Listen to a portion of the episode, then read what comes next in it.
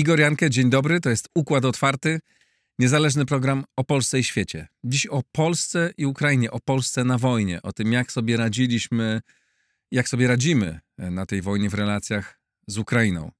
Zanim zaczniemy rozmowę, e, trzy informacje. Po pierwsze, jak zawsze, bardzo serdecznie dziękuję wszystkim patronom. To dzięki Wam ten program jest niezależny, dzięki Wam mogę go robić. Kto z Państwa chciałby dołączyć do tego grona, serdecznie zapraszam. Po drugie, przypominam, że codziennie od poniedziałku do piątku jest dostępny układ poranny. Zestaw sześciu informacji, które możecie odsłuchać czy na YouTubie, czy na platformach podcastowych przygotowanych przez nas, nasz zespół pod moim nadzorem. Polecam serdecznie. On jest, te informacje są w podobnym klimacie jak moje rozmowy. I po trzecie, moja książka. Jeśli Państwo chcecie, książka Silna Polska, Siła Polski, przepraszam. Jeśli chcecie Państwo ją kupić przez mój sklep, który, do którego link jest pod, y, pod nagraniem, to możecie ją dostać z okazji 11 listopada z moim podpisem. Serdecznie zapraszam, a teraz zaczynamy rozmowę. A oto mecenasi Układu Otwartego. Kto wygra wielką grę mocarstw? Dokąd zaprowadzi nas rozwój sztucznej inteligencji? Zapisz się na XTB Investing Masterclass, bezpłatną konferencję online. Link pod nagraniem. E2V firma, która zajmuje się sprzedażą zielonej energii w standardzie ESG.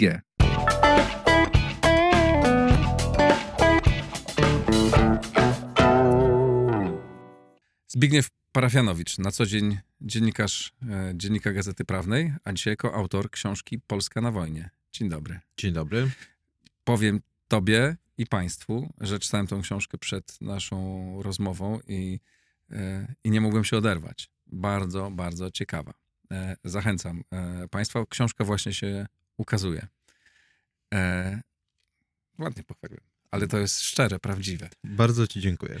To pogadajmy o tym, o czym tam piszesz, bo przecież o wielu ciekawych rzeczach. Ta książka ma taką formułę, rozumiem, rozmów, tam są cytaty z różnych polskich oficjeli, urzędników, polityków, którzy opowiadają o tych i pierwszych, i ostatnich dniach przed wojną, pierwszych dniach wojny i tego, co się potem działo. Tak? To jest duża grupa, jak z dużą grupą ludzi no, rozmawiałeś? To w zasadzie wszyscy najważniejsi ludzie, którzy w to ukształtowanie tej polityki i w jej realizację byli zaangażowani. Plus mhm. ludzie takiego aparatu państwowego, nazwijmy to umownie głębokiego państwa, czyli ludzie służb, wojska, którzy wiedzą, jak wyglądają te bebechy państwa, mięśnie państwa, e, te mięśnie, które polskie państwo ma i, i, i wszystkie te mięśnie, które zostały zaangażowane do tego, żeby tą wojnę, e, tą wojną zarządzać e, za naszą wschodnią granicą, czyli w zasadzie wejść w interakcję z wydarzeniem, które dla Polski e, w tych 30 latach po upadku komunizmu jest najważniejsze w gruncie rzeczy. Jakkolwiek te stosunki uległy pogorszeniu, jakkolwiek ta wojna schodzi z agendy w związku z tym, co się dzieje na Bliskim Wschodzie, to jest to ciągle wydarzenie egzystencjalne e, dla Polski i najważniejsze, e, którym trzeba sensownie zarządzić i starałem się dotrzeć do wszystkich tych, którzy tą politykę kształtowali, kształtowali realizowali i którzy zarządzali operacyjnie tymi procesami, e, które miały miejsce na Ukrainie z perspektywy polskiej. Także e, to są właśnie bohaterowie mojej książki. E, ja starałem się być po prostu tylko narratorem tego, to, te, tej opowieści, którą, którą oni snuli. Opowieści, która moim zdaniem była fascynująca. To, co, to, co oni opowiadali, to te, te kulisy wydarzeń, które, które oni współkształtowali, którymi zarządzali, no to wszystko jest rzeczywiście kawał, kawał historii i, i coś, co co, co jawi się jako, jako, jako wydarzenie bez precedensu po, po tych 30 latach. I jest to naprawdę ciekawe. Jako człowiek, który się tym interesował, przyglądał się temu z wypiekami na twarzy, to czytałem.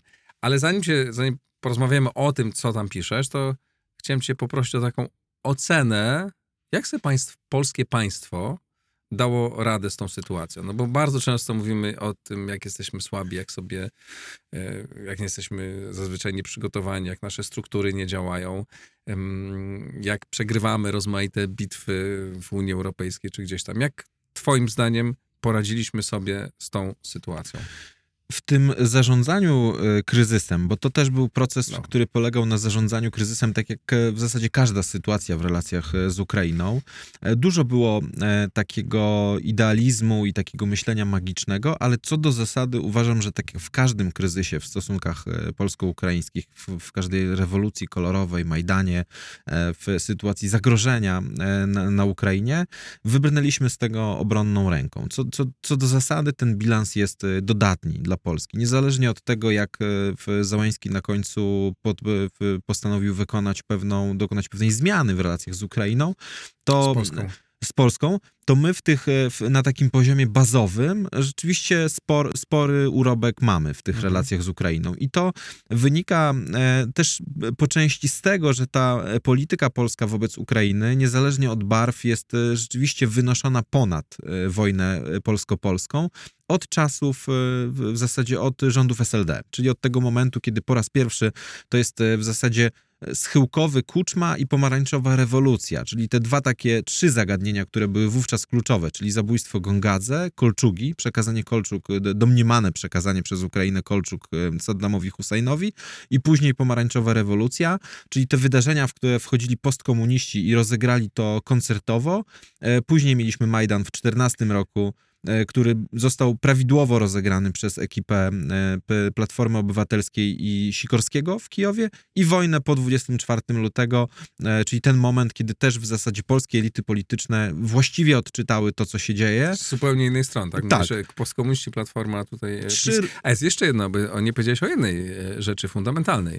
No, e, Polska była pierwszym krajem, który uznał e, e, e, niepodległość Ukrainy. Tak, uznał nie, nie, niepodległość Ukrainy i to też e, we wspomnieniach polityków e, w, z, z tamtego czasu e, w, wybrzmiewa ta taka obawa właśnie o to, co się na tym wschodzie zadzieje, jak, jak tym kryzysem zarządzić, kryzysem e, w sytuacji, gdy powstają nowe państwa dysponujące bronią atomową, prawda? Także to też e, zostało właściwie zdefiniowane, odczytane e, i, i właściwie realizowane i to pokazuje na tej osi czasu od upadku komunizmu do y, w zasadzie do dzisiaj, czyli do, te, do tej sytuacji, w której jesteśmy obecnie, że niezależnie od barw politycznych, temat jakby takiego głównego zagrożenia dla, dla polskiego bezpieczeństwa, czyli tej sytuacji labilnej na, na, na Ukrainie po y, upadku komunizmu, no to jest, na, to jest zarząd- zarządzane w, jako coś, co można określić, cytując klasyka, plusem dodatnim. To jest. Mhm.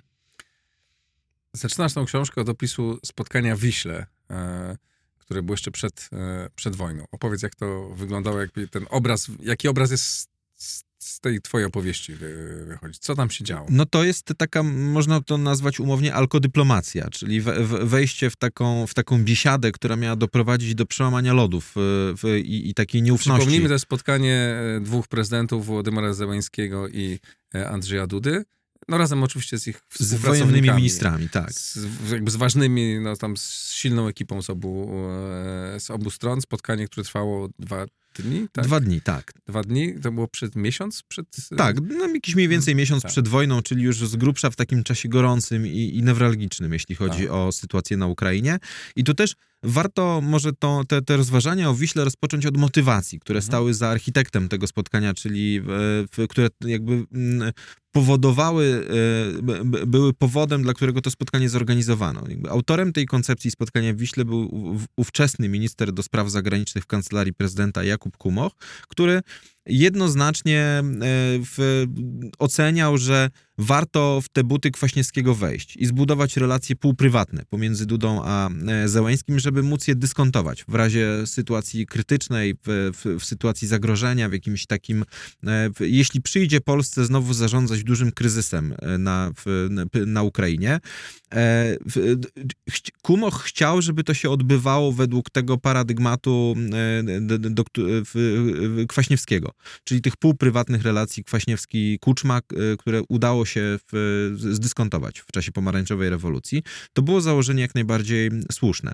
Załęski z Dudą w Wiśle e, pojedli, popili, porozmawiali, pożartowali, po, pośpiewali wspólnie i rzeczywiście No, ale te... też nie było z tego, nie wynika, że to była impreza, tak? Tak, była no nie, prostu, to, no, oczywiście, no to, to do, dokładnie, to tam nie podpisano żadnych umów e, mi- międzynarodowych, e, nie, nie, nie stworzono w, takich faktów w dokumentach, ale to takie budowanie relacji pomiędzy politykami ma oczywiście ogromne znaczenie w polityce. To, to, to, to nie jest tak, że to, to nie jest picie dla picia, czy śpiewanie dla, dla, dla śpiewania w Wiśle w jakimś górskim e, ośrodku prezydenckim. To e, miało ogromne znaczenie dla zbudowania zaufania i to widać też potem w tych pierwszych dniach wojny, kiedy Zełęński, Duda jest pierwszym politykiem, do którego najprawdopodobniej Duda był pierwszym politykiem, do którego Zełęński zadzwonił. Nie był to Biden. Biden był drugim, dru, drugą osobą, do której zadzwonił i e, nawet biorąc pod uwagę tą sytuację, w której on traktuje Dudę jako kogoś, komu może się wyżalić, e, i, i, gdzieś tam budować to swoje, e, to, to, to, swoje morale w tych pierwszych dniach wojny, to to ma ogromne znaczenie. I to było pokłosie Wisły. Czyli Ale też piszesz sytuacji... zarazem, że oni są zupełnie inni. Nie? Charakterologicznie to są inni, inne typy ludzi. Tak, taki mieszczański harcerz gdzieś tam z, z Krakowa i e, żulik z bloków w Krzywym Rogu. No tak, to są rzeczywiście dwa, dwa typy osobowości e, i, i tego paliwa w, w, w tych dwóch jakby skrajnych typach osobowości, dwóch skrajnych typach politycznych, tego paliwa e, przyjaźni, tego projektu przyjaźń starczyło na parę miesięcy, ale nie, nie było za mało, żeby to e, dalej ciągnąć już w warunkach braku takiego jednoznacznego zagrożenia dla, dla, dla istnienia e, Ukrainy. To było, e, no ale tak naprawdę chodziło o to, żeby tego paliwo, paliwa starczyło właśnie na ten czas e, próby, na ten czas fundamentalnie ważny dla istnienia Ukrainy. No i to się, to się zadziało, także to, to była ta pierwsza korzyść. Tak, ja nie jestem takim, ale to na końcu powiem sobie o tym, E, tylko od razu zaznaczę, bo to mówisz, że aż do że, że koniec jest teraz, tak? No, moim zdaniem to jest jakaś faza tej, na, tych naszych relacji, która e, przejdzie. Nie wiadomo, czy z prezydentem Zełęskim, czy z innym. Zgadza się. E, e, jakby to jest jakiś zakręt e, w historii zakrętów tego typu, to w ogóle jest 500 tysięcy, nie? Ale dobra, wracamy do, do początku. Jak Polska zbierała informacje na początku wojny, w tych pierwszych godzinach, w pierwszych dniach? Jak to się odbywało? To jest tak, że E, przed wojną oczywiście mieliśmy komplet informacji od Amerykanów na temat mhm. tego, co się może zadziać, ale tak jak wielu państw europejskich, nie do końca uwierzyliśmy w to, że dojdzie do tej inwazji od strony Białorusi. Natomiast w tych pierwszych e, dniach wojny ten cały aparat analityczny, wywiadowczy, dyplomatyczny, on funkcjonował na, na Ukrainie. To nie jest tak, że nie było, nie, nie, nie było wiedzy, nie było ludzi, którzy, którzy się tym zajmowali. E, ambasada oczywiście polska w, w Kijowie nie była przygotowana na, na, na, na ochronę placówki w sytuacji, gdyby w mieście zaczęły się niepokoje, walki albo, nie wiem, e, zdarzyło się najgorsze, czyli walki miejskie pomiędzy Rosjanami a Ukraińcami. E, ambasada nie była uzbrojona, no ale miała wystarczająco kompetentnych i odważnych ludzi do tego, żeby to też jakoś poukładać e, ekspresowo i za pomocą takiej klasycznej polskiej metody improwizacyjnej, która powoduje, że się w sytuacjach krytycznych jakoś odnajdujemy. Ambasador Cichocki który został e, na placówce, no to jest człowiek, który po prostu no, pełnił tam funkcję bezprecedensową. Tak jakby zbierał, zbierał te dane, informacje. Było też dwóch e, oficerów, e, pułkownik agencji wywiadu, który był łącznikiem polskich służb na, na, na Ukrainie, który za, zabezpieczył po prostu tą ambasadę w, w, w pełni przed ewentualnymi problemami ze strony na przykład osób, które mogłyby chcieć ją obrabować, na przykład korzystając z zamieszania. No i był zastępca atasze wojskowego wojskowego, czyli też pułkownik, oficer doświadczony na kilku misjach y, wojennych, e, no, który po prostu no, pełnił tam kluczowe funkcje dla, dla, dla rozumienia tego, co się w tej, na, na, na tej wojnie działo. Także e, no, poza tym, z tych doniesień, z rozmów e, z, z przedstawicielami tych mięśni państwa, jak tutaj już na początku to określiliśmy, wynika, że ta, że, że ta wiedza na bieżąco była pozyskiwana i aktualizowana na temat tego, czy miasto jest otoczone w, w jaki pełni. sposób oni zdobywali wiedzę? E, no w sposób taki, że wysyłano tam, e, wysłano tam oficerów po prostu mhm. z służb, którzy te informacje zbierali e, i dostarczali do Polski za pomocą różnych metod, niekoniecznie z, z gatunku filmów płaszcza i szpady, czyli używając po prostu szyfrowanych w miarę pewnych komunikatorów i kanałów komunikacji do tego, żeby te dane przekazywać. To jest tak, że... Tam opisujesz też, mówię o tym, o czym możesz mówić, o czym możesz mówić, no bo o tym, co przeczytałem, tak? Opisujesz też te sposoby takie dosyć Ciekawe, jak i... No, to, to, jest tak, że zobacz, no, e, te, współczesny smartfon w gruncie rzeczy jest narzędziem, za pomocą którego można wystarczająco dobrze zaszyfrować informacje albo na przykład gromadzić dane geolokalizacyjne za, tak. pomocą, za pomocą takiego urządzenia. Nie tylko zegarki z funkcjami balistycznymi, no, to, chociaż to też są jakieś tam elementy, e, w, które tylko pozornie wydają się narzędziami śmiesznymi do gromadzenia takich danych. Ale jeżeli przecież robisz nawet puste zdjęcie w, w, w iPhone'ie, e, w, w kieszeni, czy za pomocą tego urządzenia, które jest przy selfie sticku do tego, żeby pstryknąć e, w foto, no to masz w zdjęciu, nawet jeżeli ono jest ciemne, informacje na temat tego, na temat położenia. Mhm. Czyli jeżeli robisz w zdjęcie w jakimś punkcie, który potem opisujesz do, w, w, do, łącząc to z tymi danymi geolokalizacyjnymi, to możesz po prostu miasto zmapować, e, krótko mówiąc. I takie metody według e, rozmówców, którzy dają e, tutaj, jakby wyrażają te swoje opinie na temat tych pierwszych dni wojny, te, te, takie praktyki mhm. były w, w Kijowie stosowane, co, no i słusznie, no to była kreatywna metoda za pomocą ogólnodostępnych urządzeń, które nie budzą żadnych podejrzeń w, w razie ewentualnej wpadki. Można było w, po prostu takie dane zdobywać, no bo ty robiąc te, te, te zdjęcie za pomocą E, smartfona, no um, możesz umieścić je w chmurze natychmiast, automatycznie, tak? Jeśli jest e, smartfon podłączony e, do, do sieci i ktoś po drugiej stronie, siedząc w, za granicą, może te dane po prostu nanosić na mapę, gromadzić, opisywać je i, i, i z nich korzystać. Czyli to, a ta wiedza w pierwszych dniach wojny na temat tego, w jakim zakresie Kijów jest otoczony, które, które części przedmieść tam północnych i wschodnich są obsadzone przez Rosjan, jakie drogi są przejezdne, czy do miasta można dowozić e, towary, e, czy wodę, żywność, e, amunicję, zaopatrywać to 2,5 milionowe miasto, to miało kluczowe znaczenie dlatego, żeby ocenić, czy to miasto się utrzyma. Czy to miasto, czy to miasto przetrwa? I naprawdę było inaczej dla wszystkich tych, którzy później byli w Kijowie, mi się to zdarzało, to jakby to było już zupełnie, to jest zupełnie inne miasto. Dzisiaj to jest normalne, mimo wojna trwa, ale to jest sytuacja zupełnie inna. Czy wiesz, jak zapadła decyzja? Bo ja tego nie wiem. Próbowałem to E, e, gdzieś tam zdobyć tą informację, ale się nie dowiedziałem, to chyba się wiesz lepiej. Kto zdecydował o tym, że Bartosz Cichocki zostaje? Czy to, była, czy to było polecenie, czy to była wspólna decyzja, czy to była... Jak to? No bo to bardzo... Znaczy, państwu trudno wydać taką decyzję, tak? Polecenie ambasadorowi, że ma zostać w sytuacji, kiedy ryzykuje, kiedy ryzykuje życie. Znaczy Cichocki chciał zostać sam. To, mhm. to, to tak. jest e, rzeczywiście e, dyplomata o, takie, o odwadze znacznie powyżej przeciętnej i o pewnej kreatywności, pomysłowości, w, sile przebicia, e, w takim wyszczekaniu dyplomatycznym. Także to, jest, to, to była jego decyzja, mhm. ale bardzo skutecznie popierana i wspierana przez kancelarię prezydenta i przez wspomnianego tutaj ministra Kumocha, który chciał mhm. w, w ten sposób, w, w jego kalkulacji służyło to temu, żeby budować też morale po stronie ukraińskiej. I rozumiem, że MSZ i kancerna, no bo to wspólne decyzje są, zdaje się, tak? Akceptowały. Akceptowały, natomiast to, to na A nie było zależało... też tak, że może dostał polecenie? E, nie, to, to, to, to, to, to nie, nie. To w, w, Cichockiemu zależało na tym, żeby nie zostali ludzie, którzy zostać nie chcą. Czyli żeby ewakuować tą część personelu ambasady, która e, wolała, e, no bo ambasada też, no nie ukrywajmy, nie była, na, nie była traktowana jako placówka wojenna i na wojnę przygotowana nie była. To jest, to, to jest jakby jasne. Cichocki chciał zostać.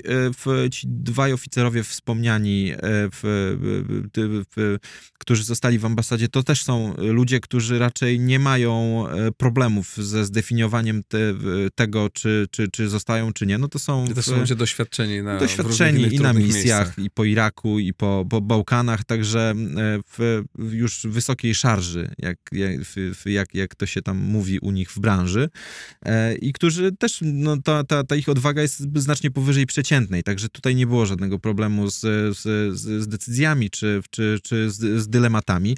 Także ta ekipa y, trzyosobowa, ona naprawdę była dość mocna w, w, ty, w, ty, w tych pierwszych, w, ty, w tym pierwszym okresie wojny.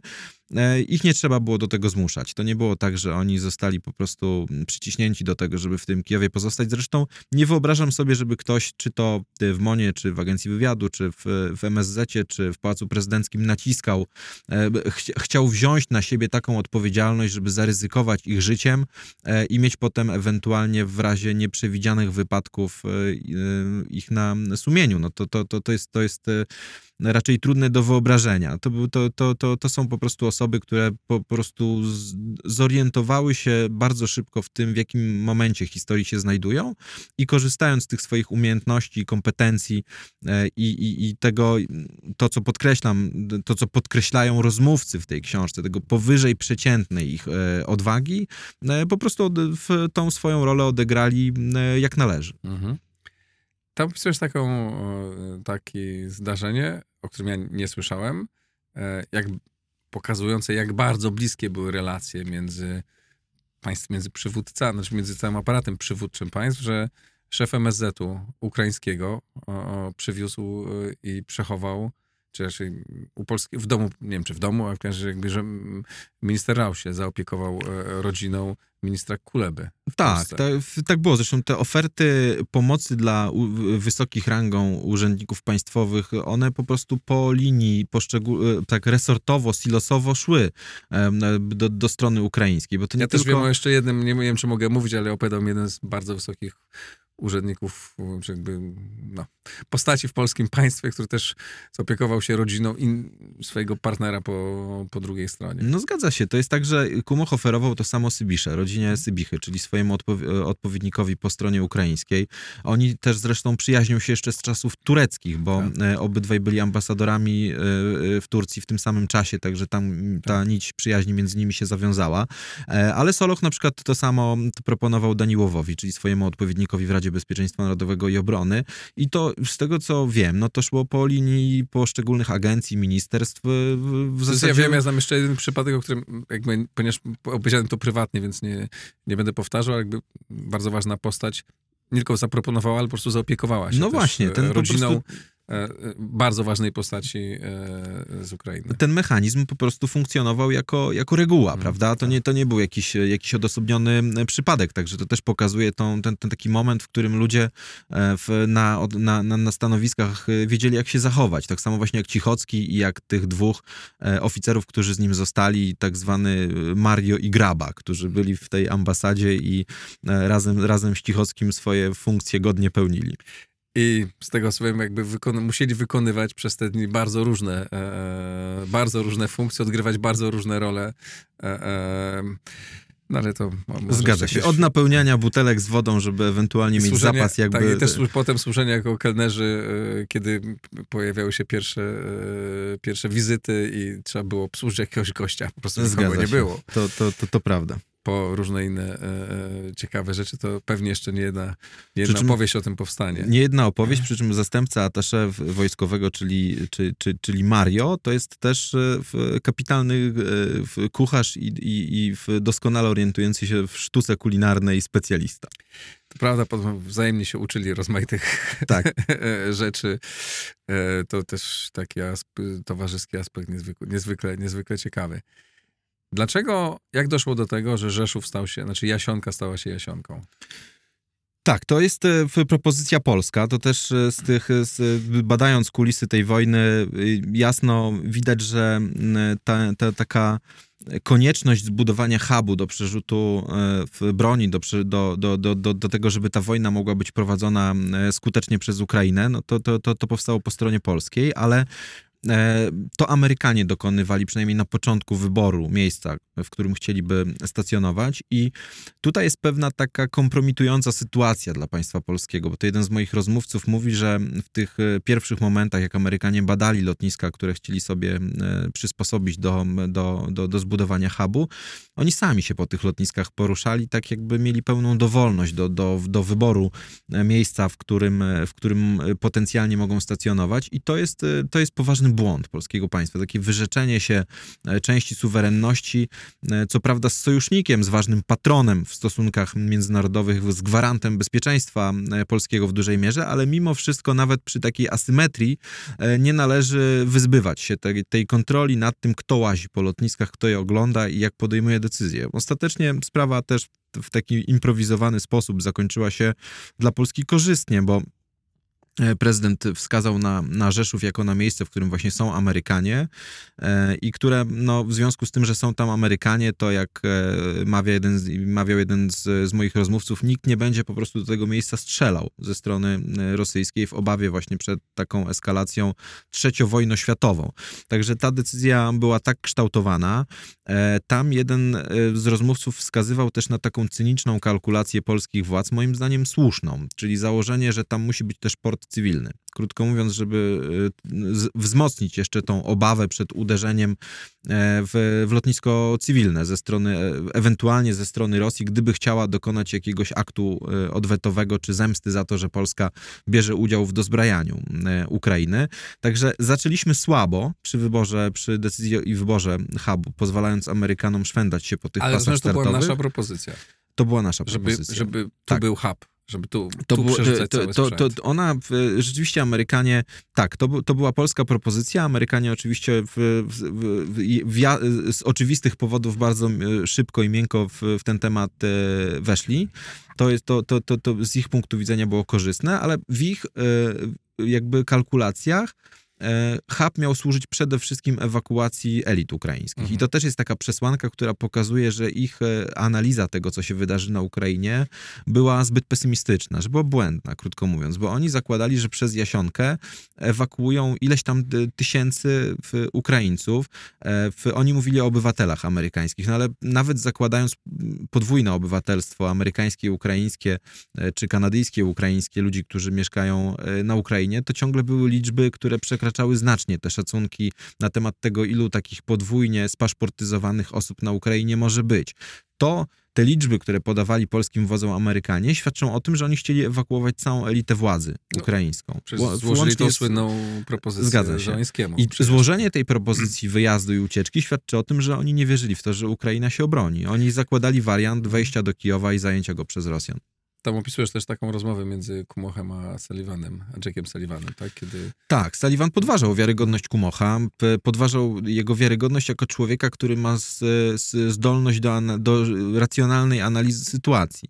Bo rzeczywiście Kumoch... E, w... A Kumoch mu powiedział, że Ukraińcy się utrzymają i obronią. Tak, tak. I to, to, to jest akurat informacja rzeczywiście potwierdzona wieloźródłowo. Kumoch e, zakładał, że, że, że Kijów przetrwa i że Ukraina się obroni. I, to, i, i wychodził, mówiąc brutalnie, na w wariata w tych pierwszych dniach wojny i Sullivan jednoznacznie podważał jego, jego, jego wiarygodność jako osoby, która może taką analizę e, formułować i, i takie tezy stawiać. On jednoznacznie mówił, że, że, że, że Ukraina przetrwa, że, że Kijów przetrwa przetrwa, Kijów się obroni e, i, i, i nie, był, nie, nie był w mainstreamie wówczas.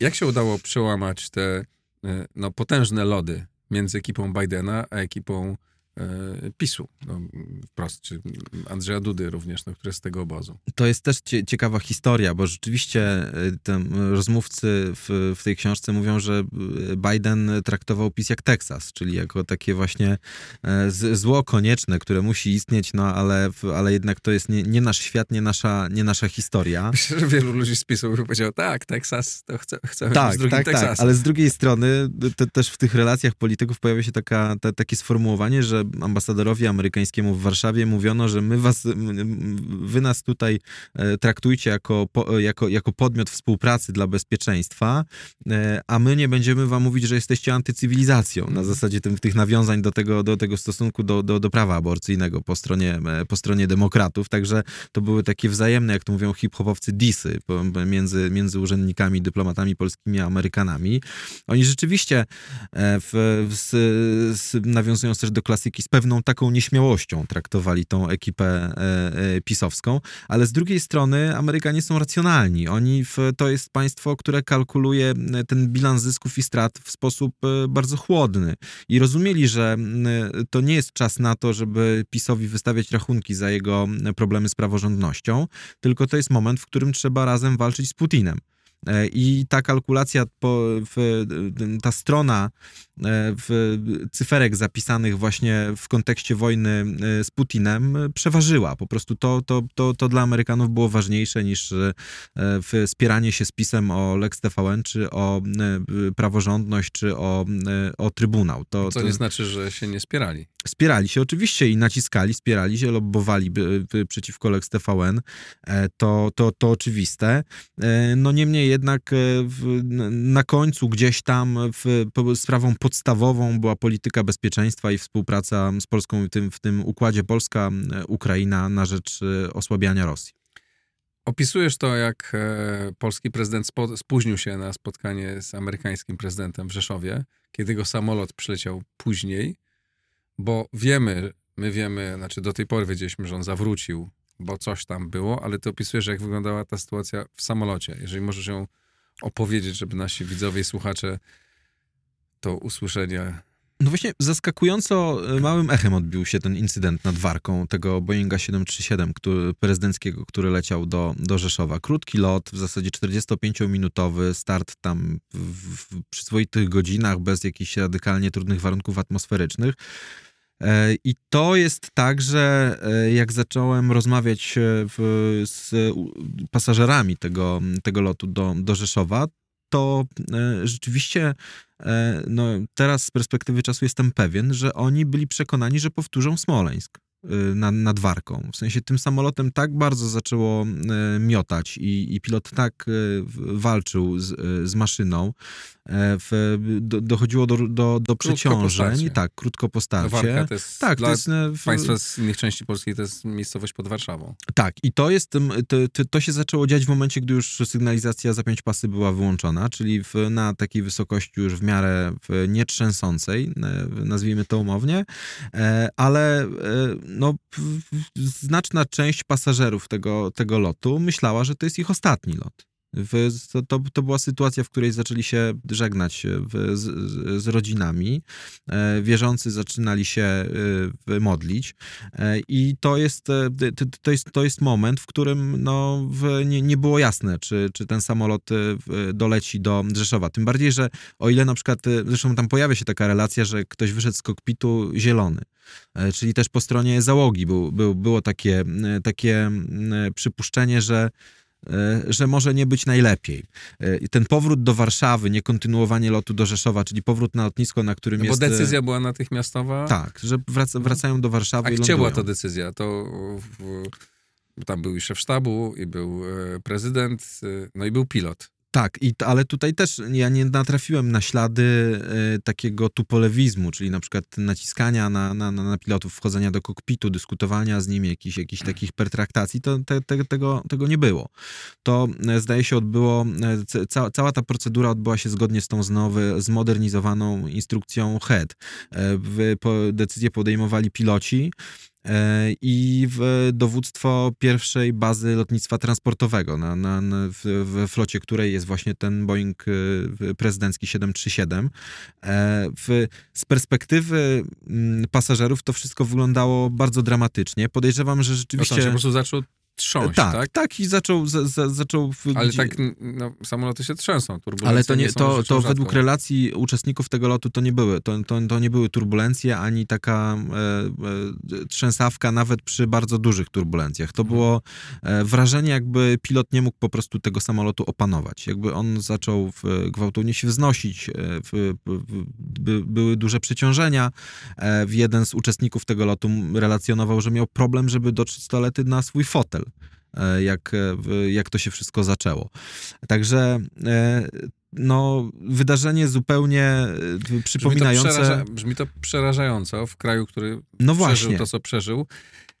A do tego, ale powiedzmy, dlatego rozumiem, żeby potem bo ja czytałem tą książkę, już wiem, tak, on potem jakby opanowali, nagle tak, zaczął, to... spokojnie wyszli z tego i i bo, wylądowali jak gdyby nigdy nic. Zgadza się, bo finalnie okazało się, że to, było, to, to, to była usterka e, trymera, czyli to jest e, coś, co... To jest co no to jest e, w, urządzenie w, na, na sterze w wysokości, ale to są, to są usterki, które rzeczywiście w samolotach się zdarzają i przy odpowiednich umiejętnościach pilotów są, są do opanowania. I zdaje się, że nawet ten samolot ostatecznie nie zrzucał paliwa. Mhm.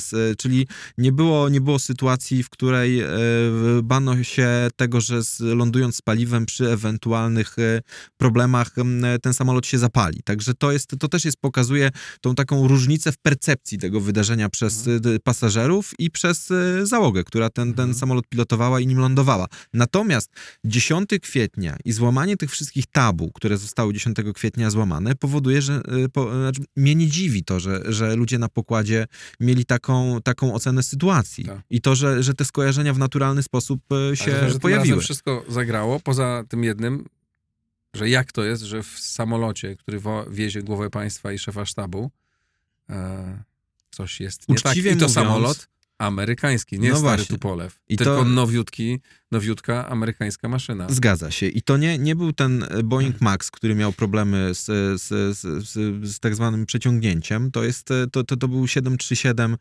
w, i e, maszyna sprawdzona. E, bez, bez nie kojarząca się z, z usterkami. E, swoją drogą, bo mówimy o tym, że to był tylko trymer, że to było to nie, niewielka usterka w zasadzie, że się zdarza.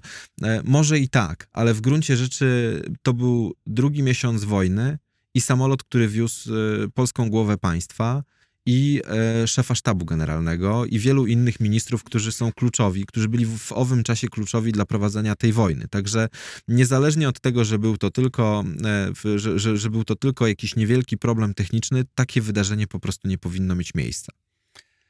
No nie powinno, ale y, rozumiem, że tam śledztwo trwało przez wiele miesięcy, już wiad- ale no dobra, trymer nie działał, ale dlaczego nie zadziałał? Czy nie przeszedł jakiejś kontroli, czy po prostu w tej maszynie coś nie tak działało, co nie świadczy dobrze o producencie, bo to też jest problem nie, nawet mniejszy nasz, chyba bardziej amerykański. No nie w, nie, nieoficja, w nieoficjalnych rozmowach e, w przedstawiciele polskiego państwa, tak zwane VIP-y, e, mówią, że to nie był pierwszy incydent z, z, z, z tym Boeingiem 737. Tych, tych incydentów było więcej już przed wojną e, i to jest rzeczywiście zagadnienie, które w, no, wymaga pewnie głębszego wyjaśnienia. Dlaczego, dlaczego akurat dzieje się tak, a nie inaczej? Zdaje się, że nawet były problemy, znaczy to nie były tylko problemy problemy po stronie VIP-ów e, reprezentujących Prawo i Sprawiedliwość, czyli Zjednoczoną Prawicę.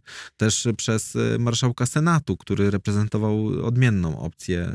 Też miał problemy? Tak, też miał, też miał problemy z samolotem. Także rzeczywiście to są, to, to, to jest zagadnienie pewnie do, do wyjaśnienia, czy to są jakieś choroby wieku młodzieńczego tej, tej maszyny, czy, czy rzeczywiście coś, co, coś, coś grubszego, coś poważniejszego. Tym bardziej, że tak jak mówię, te wszystkie tabu dotyczące latania najważniejszych osób osób w państwie zostały złamane 10 kwietnia. Zresztą były też łamane wielokrotnie przed 10 e, kwietnia. Mhm. Tych incydentów z Tupolewem było znacznie więcej. Od, to, to była maszyna, która startowała z baz e, w, wojskowych w Afganistanie, w Iraku. Dochodziło e, często, no sam lecie, wracałem z, za, to, był, to, był, to było w czasie pierwszego rządu PiS. Ja wracałem okazjonalnie udało mi się załapać na Tupolewa z Afganistanu z Bagram. I to była sytuacja, w której też tam pękły trzy e, opony w, e, w, w podwoziu podczas startu. Najprawdopodobniej ten samolot najechał na, na, na, coś, co pozostawił któryś z samolotów wojskowych.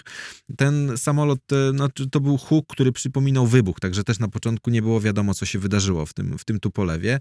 Ten samolot zamknął podwozie i była decyzja o tym, że leci do Warszawy. Skoro zamknął, uzyskał wysokość przelotową, lądował? lądował na uszkodzonym uszkodzonym podwoziu. Mam zresztą zdjęcia tego podwozia do dziś z, z, z tamtego Ale incydentu. normalnie usiadł? E, w, no było to twarde lądowanie. Mhm. Było to twarde lądowanie w asyście też tak Straży Pożarnej, ale Przywaliło. rzeczywiście tak. E, I, I no, e, on lądował w zasadzie z, z, nie, z, niepeł, z niepełną oponą na tym, mhm. na, tym lotni, na, na tym okęciu. Także metalowymi elementami obcierał opas startowy, co mogło y, spowodować różne, różną sytuację. No, lądował w, w asyście. E, pa, pamiętam wtedy wzburzenie tych pilotów e, pierwszego, to był jeszcze pierwszy pułk specjalny i, i to były jeszcze czasy, kiedy pilotami w, w takich samolotach byli oficerowie w randze pułkownika. To bo, bo potem ta, ta ranga została obniżona. Wielu z tych pułkowników odeszło z, z różnych powodów. To, to był lot, w którym wracał z, ze swojej podróży w Azji i z przesiadką, z, z krótkim pobytem w Afganistanie ówczesny marszałek Dorn. Mhm. Mi się udało po prostu załapać na, na, na, ten samolot. To było najszybsze połączenie z Afganistanu do Polski, bo ten lot trwał 4,5 godziny. No tak. Także, ale no, z incydentem też i tych incydentów było znacznie więcej. Także e, wracając do meritum i do konkluzji, chodzi o to, że e, tych e, wypadków z udziałem po, po, polskiego samolotu wożącego VIP-ów było zbyt dużo, żeby takie rzeczy ignorować, żeby je puszczać w, mimo uszu. No to jest gigantyczny problem. Przecież w, w pasażerskim, znaczy w takich lotach pasażerskich takich rzeczy jest, tych lotów przecież jest n-krotnie więcej, a takie, takie historie się zdarzają dużo, dużo rzadziej. Statystycznie to, to przerażające, że jednak polskie, że polskie e, w samolotach wiozących polskich, najwa najważniejszych ludzi w Polsce ciągle takie rzeczy się dzieją. Ale to rozumiem, to jest problem Boeinga i no, ta sprawa tak, została jakoś wyjaśniona do końca? No, to, to, to, jest, to jest akurat najciekawsza część właśnie tego problemu, że po tym spóźnieniu e, ekipy prezydenckiej i po już w końcu takim, no, w, po tym jak ekipa doleciała do, do Rzeszowa, to strona amerykańska była bardzo miła. Tak, oni mhm. się przesiedli do drugiego Boeinga mhm. 737 rządowego i polecieli do, do Jasionki, natomiast e, ta strona amerykańska tak relacjonowali uczestnicy tamtego spotkania, była bardzo uprzejma. Oni jakby już wiedzieli, byli poinformowani na temat tego, co się wydarzyło. Jeden z moich rozmówców w książce mówi, że najprawdopodobniej sami się poinformowali, bo oni mieli nasłuch na łączność, z racji mhm. tego, że Global Hawk, czyli ten bezzałogowiec zwiadowczy, e, patroluje stale. Tak, jak był Biden na miejscu. E, tak, był Biden na miejscu, także oni najprawdopodobniej wiedzieli, że do czegoś doszło nieprzyjemnego w powietrzu nad Warką i e, no, nie, nie, nie było żadnego, żadnego focha, żadnych tych onsów, donsów o to, że, e, że doszło do dość grubego e, spóźnienia. E, to, czy polska strona dalej wyjaśniała to z Boeingiem i czy tam były jakieś dyskusje na temat tego, co się wydarzyło, od tego, tego nie wiem. Dobrze by było, gdyby rzeczywiście taki, taki raport powstał i wyciągnięto z tego wnioski i na, na przyszłość i jakieś były konkluzje wokół tego. Inna, inny ciekawy wątek z twojej książki, to i o których tak ogólnie to też słyszeliśmy, czyli rozmaite tajne operacje, w których e, brali udział polscy urzędnicy. Czy można o tym opowiedzieć? No to jest e, chyba ten jeden z, z, najbardziej ciekawych wątków e, w tych prawie dwóch latach wojny, która trwa na Ukrainie, bo jak się okazuje, jak się po skrobie bardziej, to okazuje się, że sporo takich inicjatyw było realizowanych przez polskie państwo. To mm, przede wszystkim ta misja Abramowicza, który pośredniczył w rozmowach pomiędzy Ukraińcami a Rosjanami w Turcji. E, misja, którą obserwował i której towarzyszył wspomniany już minister Jakub Kumoch. On leciał tym samolotem do e, Ankary razem z Abramowiczem i z, z dzisiejszym ministrem obrony Ukrainy Rustemem Umierowem, z którym zresztą zdaje się Kumoch jakoś ma do, bardzo dobre relacje. I w, no, on obserwował z bliska to podtruwanie delegacji ukraińskiej przez e, najprawdopodobniej rosyjską partię wojny, która nie chciała zakończenia e, konfliktu na tamtym etapie. E, obserwował tą sytuację, był świadkiem te, tych rozmów i, i, to jest jeden z ciekawych tych wątków właśnie tych, tych tajnych operacji prowadzonych przez Polskę, dyskretnych misji dyplomatycznych, no ale nie mniej ciekawe są misje loty Dworczyka na Białoruś. Czyli e, w, no, z, dzisiejszej, z dzisiejszej perspektywy to wygląda wręcz niewiarygodnie, że w tym pierwszym etapie wojny, na przełomie lutego, marca, w marcu na Białorusi lądowali żołnierze polskich sił specjalnych e, w polskim Black Hawku, pilotowanym przez zespół lotniczy e, Gromu. To jest i, i na pokładzie z, z delegacją ukraińską i z, z polskim ministrem. Także Przypomnij, jest... jak, to, jak to wyglądało i co tam się zdarzyło. No, w, w Białorusini, zapro... czy nie Białorusini, Białorusini zaproponowali, tylko Ukraińcy wygenerowali taką sytuację, że prowadzono rozmowy takie no markujące jakieś Tak. ewentualne zawieszenie broni.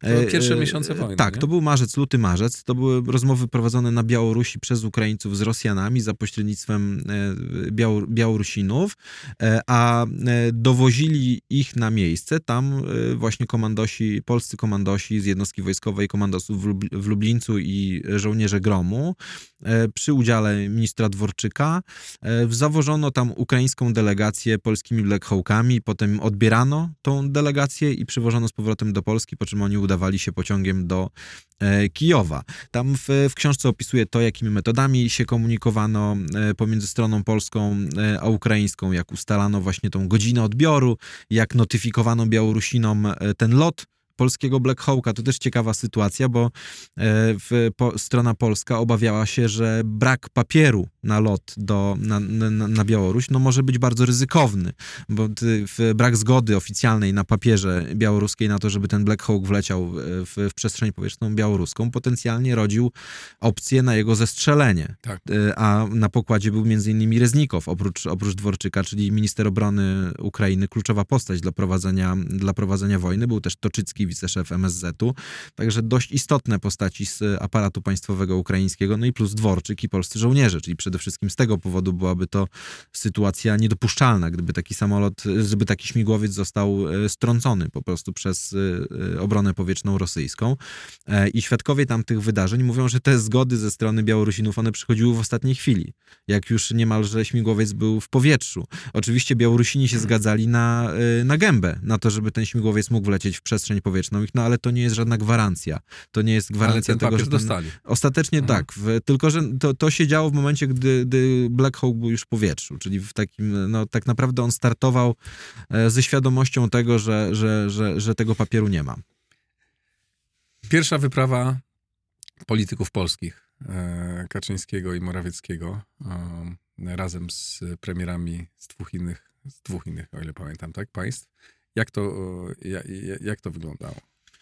Tu też jest bardzo takich kilka fajnych e, smaczków, bo e, jak się okazuje, wyjazd e, polskiego premiera, polskiego wicepremiera i premierów środkowoeuropejskich, ona też była notyfikowana Rosjanom. To było celowo w ostatniej chwili tą informację przekazano do, za pośrednictwem MSZ-u, MSZ-owi rosyjskiemu, żeby też przypadkiem przypadkowy pocisk gdzieś się nie zawieruszył i żeby ten pociąg, którym jechała delegacja premierów środkowoeuropejskich, e, żeby przez ten pocisk przypadkiem nie wybuchła trzecia wojna światowa. Czyli myśmy informowali o tym, że e, premierzy jadą? Tak. Strona rosyjska wiedziała, co, kto jedzie w tym pociągu i wiedziała, I że nie należy do niego... taka, że, żeby nie że mogli... oni nie zrobią niczego? Chodziło o to, żeby Rosjanie nie mogli powiedzieć, że nie wiedzieli, kto tym jedzie. Okej. To i, ale tą samą metodę zastosował Biden, jadąc y, zimą tego roku do, y, do Kijowa. On też, Amerykanie też notyfikowali Rosjanom Aha, wizytę tak? amerykańskiego prezydenta. Tak, to jest, to jest informacja e, w, potwierdzona oficjalnie pod wszystkie wizyty nazwiskiem. pewnie były, e, Tak. były notyfy, jak tam przyjeżdżali ci przywódcy rozmaici, to rozumiem, że wysyłali wcześniej. Tak, żeby nie było potem e, w sytuacji takiej, w której Rosjanie będą, jak to się mówi, walili głupa i nie, mówili, że nie wiedzą, kto tym pociągiem jechał i że to przypadkiem ktoś, jakiś z, z. Wagnerowiec czy e, w jakiś nie, Tak. niesubordynowany oficer wystrzelił pocisk. Ale mówili precyzyjnie, który pociąg Tak. kiedy? Tak, to Aha. jest ta, ta, takie ciekawe. informacje. To jest dokładnie to samo, co, co dotyczyło Black Hawków latających na Białoruś. Chodziło Mhm. o to, żeby w, sytuacja była klarowna, czysta, bo to przecież nie była misja... No tak, e, ale co innego jest jak dostają od Białorusi zgodę na to, żeby wleciał do Białorusi, no to wiadomo, jak dostaje zgodę. No ale to jest pociąg, który nie jechał przez Rosję, tylko jechał e, z Polski do Ukrainy i zawiadomili państwo, które zasadzie normalnie, no to przecież nie, nie informuje się Okej, nie? ale to był pociąg, który jechał do Kijowa w momencie, gdy pod Kijowem stały rosyjskie oddziały, No które tak. miały w, w zasięgu swojej Mhm. artylerii ten pociąg. Także to jest, e, to, to, to, to nie, nie można było tego marginesu ryzyka Mhm. pozostawić, Mhm. tak żeby Mhm. jakiś przypadkowy pocisk e, w, z zestawu Tornado znalazł się na, znaczy Tornado akurat nie jest chyba na tyle celne, żeby mo- mogło w, cel w ruchu tak precyzyjnie namierzyć, no ale e, cała Ukraina jest w zasięgu rosyjskich pocisków manewrujących, które są pociskami dość precyzyjnymi. Także nie mogło być tak, że z nad Białorusi wystartował MiG-31 i odpalił na przykład kalibra w, w kierunku, w, czy, czy, czy jakiś inny pocisk w kierunku tego pociągu. To, to, jest, to, to było zbyt, zbyt ryzykowne. I tu jest też ten paradoks, bo Polacy poinformowali stronę rosyjską na e, kilka godzin przed wjazdem pociągu, że ten pociąg jedzie i że nie należy, krótko mówiąc, sugestią w metatezie, że nie należy do niego strzelać, ale z drugiej strony e, Dworczyk, który organizował tą, tą wizytę w Kijowie, starał się nie informować części e, ministrów w Polsce, żeby te, te, te, te, te dane nie rozeszły się za szybko. No i tak się rozeszły. Żeby, no tak, rozeszły się. Tak, tak, tak. Pamiętam jest, ten moment. Zgadza się. I co, co najciekawsze, zdaje się, że ambasador Cichocki właśnie dowiedział się też od, od, od dziennikarzy, że do Kijowa jadą, jedzie polski premier, wicepremier i, i przedstawiciele premierzy państw środkowoeuropejskich. A wiadomo skąd ten przeciek wszedł? E, ja bym obstawiał, ja nie, nie, mam pewności do tego, ale obstawiałbym raczej stronę ukraińską, mhm. bo to są specjaliści od puszczenia spinów, jeśli chodzi o, o, o takie rzeczy. No dobrze, to przeszliśmy, no, przejdźmy do tego trudnego, najtrudniejszego momentu, e, tej, znaczy najtrudniejszego, wszystko było bardzo trudne, tak, tylko to wszystko było trudne i piękne i, i takie, mm, to niezła opowieść o tych dramatycznych e, czasach. No zrobiliśmy tyle, tak i takich rzeczy naprawdę fundamentalnie ważnych, jak przekazanie czołgów e, e, i innych, i wiele innych, wiele innej broni i przede, wszystkim zbudowanie tego hubu, który był absolutnie kluczowy. Bez tego hubu Ukrainy by pewnie dzisiaj nie było. Po masę symbolicznych gestów przepięknych. Od za, zawarcia przyjaźni tak, między e, Załańskim a Dudą w, i taki no, zbudowanie jakichś podstaw do prowadzenia wspólnej e, dobrej polityki. Nie wiedzieliśmy jeszcze wtedy, czy wojna wybuchnie, czy nie. Przez to, co opowiada, o czym opowiadałeś, minister Kuleba, e, rodzina ministra Kuleby przechowana przez rodzinę ministra Rała, tak, i wielu innych, i wiele innych takich e, przypadków, e, przypadków było. Gigantyczna pomoc praktycznie całego narodu polskiego, nie mówiąc ze wszystkich instytucjach, przez samorządy. Z lewa, z prawa, tu pełna jedność wspaniała naszego społeczeństwa. No i dochodzi do kryzysów. No i dla mnie kryzysy w ogóle nie są problemem, e, tak, typu przewodów, typu nawet przewodów dramatycznych, no ale takie rzeczy się zdarzają niestety. E, e, kryzysów poważniejszych, znaczy poważniejszych, w sensie takich konfliktów interesów, bo to był wypadek, a konflikt ze zbożem to był konflikt interesów.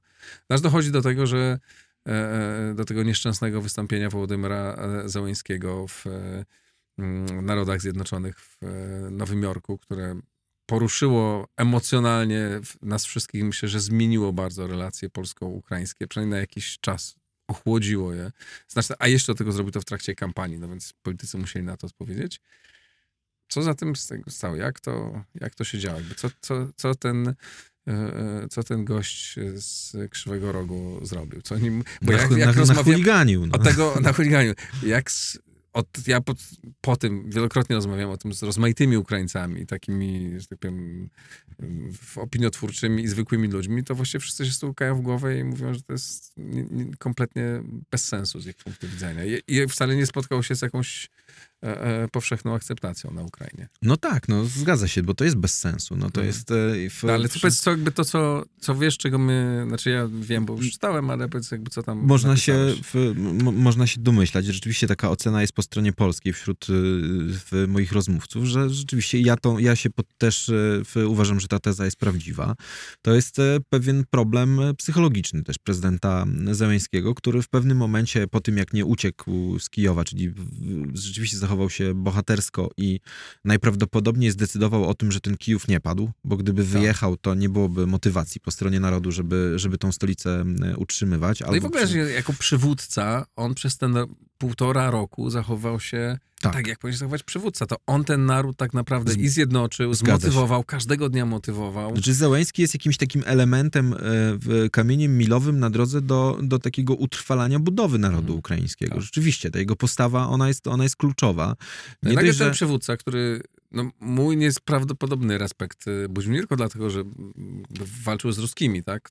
Więc wszyscy go popieraliśmy, no ale też sposób, w jaki on, on, na tle całej klasy światowej politycznej się niezwykle pojawiła się jakaś nowa, nowa gwiazda. No i ta nasza nowa gwiazda, w której się zakochaliśmy, em, e, tak, to- do Narodów Zjednoczonych i wywala, porównuje nas do ruskich i robi problem z czegoś, co jest marginalnym, marginalną sprawą. No to zboże, to jest przecież mały procent tego, co oni sprzedają. To jest tak, że rzeczywiście Załęski, no, poza tym, że został w Kijowie, no to przez wiele tygodni był celem dla, dla Rosjan. Tak. Także to, było, to, to, to, to miało znaczenie dla jego takiego ukształtowania się i takiego budowania psychiki. No, on był celem, nie tylko on, jego rodzina była celem, ale rzeczywiście, no jest tak jak mówisz, on zbudował taki wizerunek człowieka e, zdystansowanego do tego, co się dzieje w pewnym momencie, po tym takim histerycznym pierwszym, drugim dniu. Zaczął się w, w tej nowej roli odnajdywać. Ja pamiętam w marcu, jak była ta wizyta Kaczyńskiego i Morawieckiego w Kijowie, byłem wtedy na Bankowej, jak oni wtedy byli w administracji prezydenta i on wyszedł właśnie do, do, do dziennikarzy z ręką w kieszeni, taki wyluzowany, taki bardzo e, w, no, e, otwarty, Znaczy, Emanował takim spokojem. spokojem, zdaniem charyzmą. To miało nieprawdopodobne znaczenie dla, e, dla ukraińskiego Tak, społeczeństwa. tak. On był, on był w, wykorzystując te swoje zdolności aktorskie, wyko, wykorzystując znajomość mediów społecznościowych, to jak w tych mediach należy się e, prezentować, e, w, w, no, wbudował taki w, stan ducha e, A to, żeby to nie była tylko gra, on naprawdę to wszystko jest prawda. To nie jest Tak. tylko to, że mówimy, dobra, był aktorem, odegrał ładnie scenę e, 24 w nocy, czy tam 25, prawda, kiedy słynne takie nagranie było, że wyszedł na ulicę i mówi, że my tutaj jesteśmy, no to poza tym, że to było dobrze zrobione technicznie, to oni naprawdę tam byli. On Autentycznie, naprawdę no, zarządzał tym państwem. Dokładnie tak było. Zarządzał tym państwem. Ten jego taki luz, to wszystko, ten, ten, ten moment właśnie, jak on wychodzi do, do, do dziennikarzy, zaczyna e, w, co, zagadywać, jak e, w, to jego zachowanie, to nie było, to, to nie było wy- wyreżyserowane, wymuszone. On po prostu taki, taki jest. Ma, Mhm. ma, ma takie umiejętności, takie zdolności. No jest postacią wybitną, bez, bez dwóch zdań. On jest e, w, rzeczywiście w lidze Mandeli, Wałęsy, to jest już tego, te, tego pokroju e, polityk. Natomiast rzeczywiście każdy z polityków z tej ligi, Wałęsa też, e, no ma moment, w którym zaczyna wierzyć w swoją boskość i nieomylność. To jest... Lech Wałęsa u, u, dosyć szybko w to uwierzył i bardzo skutecznie. Tak, każdy, każdy tą, w, tą, w tą wiarę e, w, zaczyna e, nabywać, każdy ma swojego Wachowskiego i w, ta, ta, ta wiara w swoją nieomylność i boskość, to ona też u Załęskiego wystąpiła. To jest Chyba, takie... moment Wałęsy. Tak, Dobra. takie oderwanie od, od, od, od, trochę od realiów. I to, to, to jest, ten początek wiary w nieomylność powoduje, że jemu asystent Duda nie jest potrzebny. Czyli Mhm. Mahatma Gandhi nie potrzebuje asystenta. No to jest jakby proste, a to, ale to z kolei wymusza, e, to implikuje błędy. E, Czyli właśnie składanie deklaracji, e, wypowiadanie słów. Jak, jak w wojsku jest takie słynne powiedzenie: nie mów tego, czego nie będziemy mogli zapomnieć.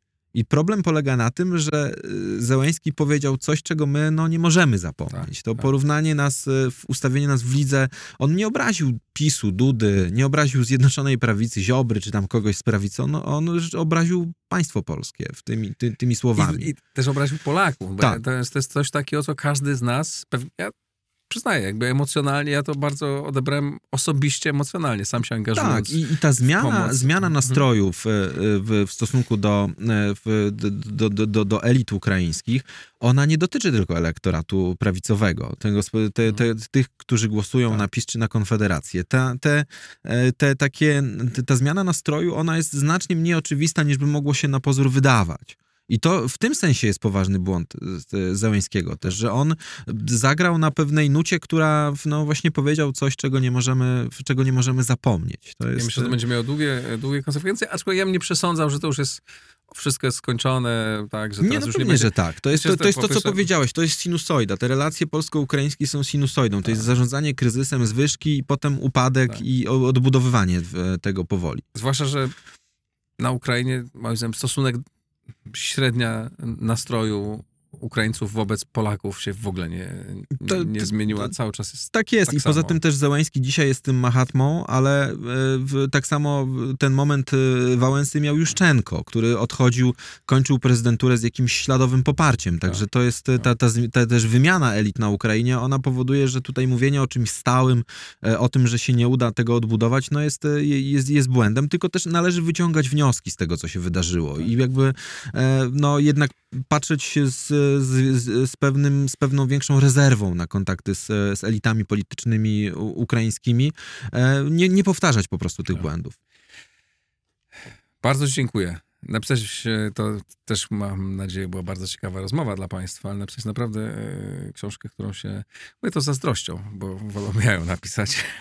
E, Więc jest to bardzo, bardzo szczere, co mówię. Nie potrzebujecie, nie potrzebuje, nie potrzebujecie Państwo na jej przeczytanie dużo czasu, bo ją się bardzo szybko czyta. Trudno się od niej e, oderwać. Dzięki serdeczne. Dziękuję. Zbyszek Paranowicz. Książka nazywa się Polska na wojnie. Bardzo Państwu polecam. Napiszcie oczywiście, co sądzicie. Wspierajcie Układ Otwarty. Czytajcie książkę Parafianowicza. Dziękuję. To wszystko na dzisiaj. Do zobaczenia.